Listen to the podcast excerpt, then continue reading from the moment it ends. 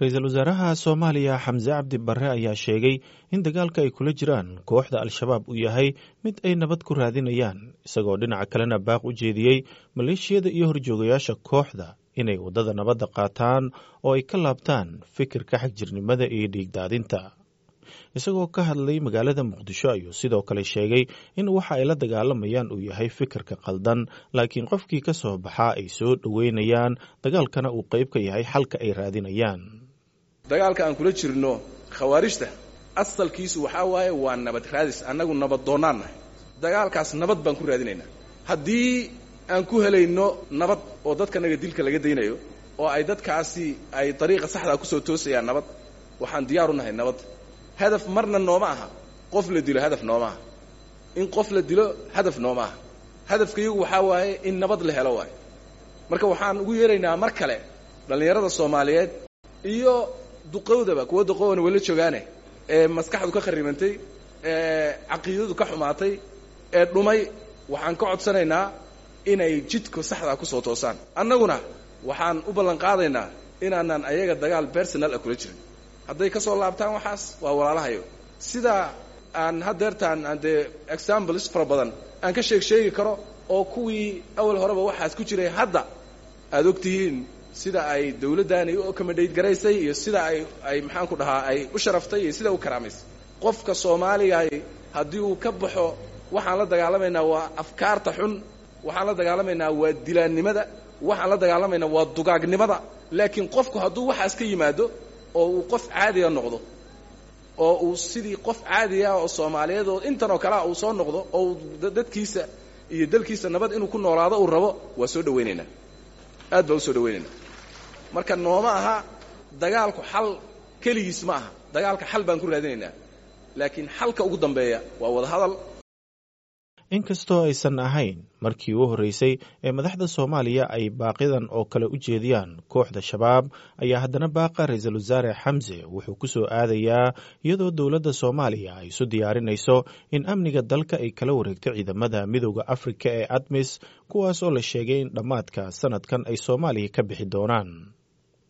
axmed kaboole oo ka faallooda arrimaha ammaanka ayaa qaba in baaqa ra'iisul wasaaraha aysan kooxda si sahlan ku qaadan doonin maadaama ay wakhti dheer dagaal xagga fikirka ah kula jirto dowladda soomaaliya. Isagoo dhinaca kalena sheegay in kooxda shabaab ay tusaale ka dhiganayaan kooxda taliban ee afghanistan. Run ahaantii mar kastaba madaxda dalku in ay ku baaqaan nabadgelyada iyo in dhallinyaradu ay ka soo baxaan falalka argagixisinimada ka soo tanaasulana dowladda ka soo mid noqdaanoo dadkooda ka mid noqdaanoo dhiigga ummadda la badbaadiyo runtii waa udaw ha yeeshee baaqaan u malayn maayo aniga ahaantayda markii la fiiriyo uma malayn inay wax iska bedelayaan dagaalada al-shabaab iyo inay hadda furimaanta ka soo baxaan ra'iisul wasaarihii yaa yidhi soo carar ay leeyihiin ma jirto. Sababtoo ah toddobiyo toban sanaa dagaalkaanu socday dagaal shaksiya ma ahan waa dagaal ideolojiyad sida ayaga lagu dagaalamayo waa dowladnimadii iyo niman maaragtay al-shabaab oo ayaguna isku arka inay maaragtay qaab islaamiyahan rabnaa ay leeyihiin waan ku dagaalamaynaa. Marka furimaha ma soo banaynayaan al-shabaab waxaa moodaa in ay sawir ka dhiganayaan qaabkii taliban ay ula wareegtay afghanistan markii amerikaanku labaatan sano ka dagaalamayeen ay ka baxeen hadda waktigan waxay ku soo aadaysaa atmis oo labada kun iyo afar iyo labaatanka december dalka ka baxaysa. Marka waxaa laga yaabaa in ay isleeyihiin inay survive gareeyaan oo dagaalkan hadday ka badbaadaan wejiga koowaad iyo wejiga labaad ee gulufka colaadyada dowladda soomaaliya ay ku baaqday haddii ay ka badbaadaan waxaad moodaa inay rajo ka leeyihiin inay dowladnimada qayb ka noqdaan ayagoo rabitaankooda la meel marinayo. Marka waxay ku xiran tahay hadba inta aysan atmis bixinin. Dowladda soomaaliya siay ciidankeeda u dhisato xarumaha atmis ay ka baxaysa iyo african unionka dhammaan ay ka baxayaan si ay u xujisan lahaayeen. Dowladnimadana loo dhisi lahay ciidankana loo dhisi lahay goobaha al-shabaab hadda ay haystaan in structureka al-shabaab dhaawac la gaarsiiyo oo inta aysan december aan la gaarin. Arrintaasay ku xiran tahay al-shabaab nusqaantooda iyo in ay meesha ka baxaan. Laakiin baaqa ra'iisul wasaaraha uma malaynayo anigu hadda in ay fagaaraha inta ka soo baxaan oo xarumaha ka soo tagaan ay dowladnimada saas ku qaadanayaan dagaalkan toddobiyo toban sano u socday. Marka waxaan is leenahay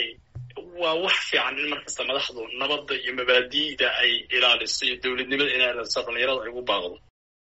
dowladda soomaaliya ayaa tan iyo sannadkii laba kun iyo labaiy labaatankii deegaanada hirshabeelle iyo galmudug ka wada wejiga koowaad ee dagaallo ay kooxda kaga saarayso deegaanadaasi iyadoo dagaalkaasi hogaamintiisana uu muddo bilooyin ah magaalada dhuusamareeb u fadhiyey madaxweynaha soomaaliya xasan sheekh maxamuud